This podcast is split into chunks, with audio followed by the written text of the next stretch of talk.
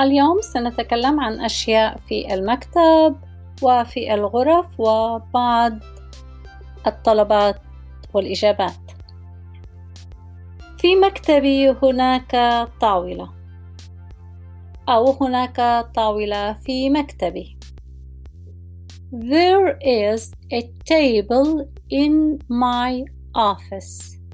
There is a table in my office. There is a table in my office. وبسرعة There's a table in my office. There's a table in my office. هناك طاولة ومكتب صغير في الغرفة وهنا كلمة مكتب صغير هي ليست مكتب كغرفة هي مكتب كطاولة. مكتب صغير small desk. غرفة room. هناك طاولة ومكتب صغير في الغرفة.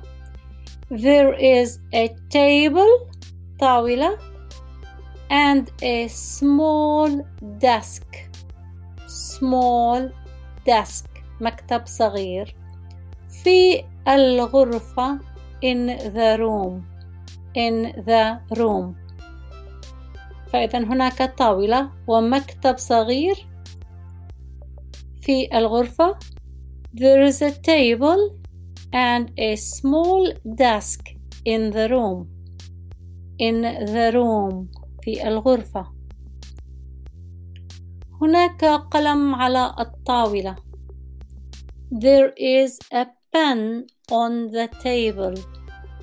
There is a pen on the table.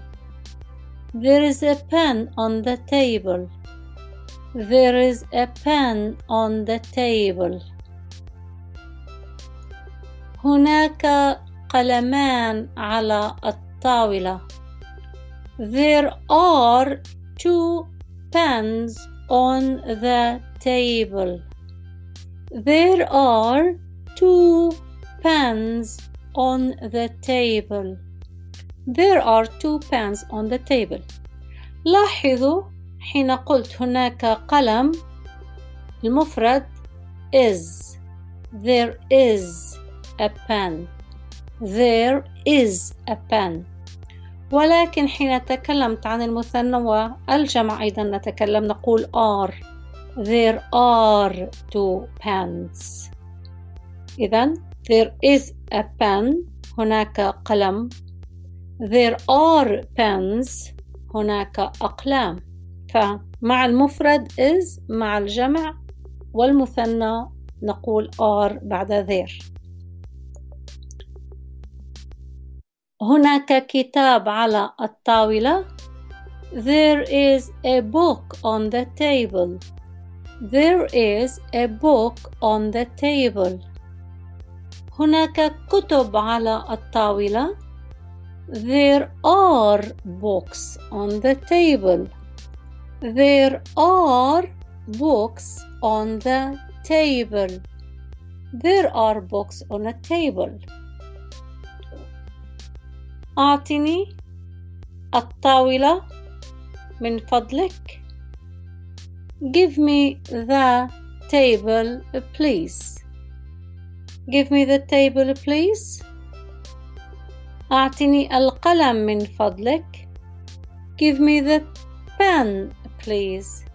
Give me the pen, please. باب door door door أغلق الباب shut the door shut the door shut the door shut the door وممكن أن يكون الطلب بطريقة لطيفة أغلق الباب من فضلك shut the door please shut the door please وممكن أن يكون بطريقة ألطف وهي هل بالإمكانية أن تغلق الباب من فضلك Would it be possible to close the door please Would it be possible to close the door please لاحظوا أني أستخدم أحيانا close وأحيانا shut لكلمة أغلق كلمتان صحيحتان والاستعمال وارد في أي مجال لك ليس هناك كلمة أفضل من كلمة ممكن أن نقول shut the door please أو close the door please أو would you please shut the door would you please close the door ولكن نستخدم كلمة shut the door أو close the door أما بالنسبة للنور فنحن لا نستخدم كلمة close the light. Light نور. Light. Light. نستخدم تعبير آخر في الطلب كيف نغلق الضوء النور نطفئ النور. سنتعلم هذا في الحلقة القادمة.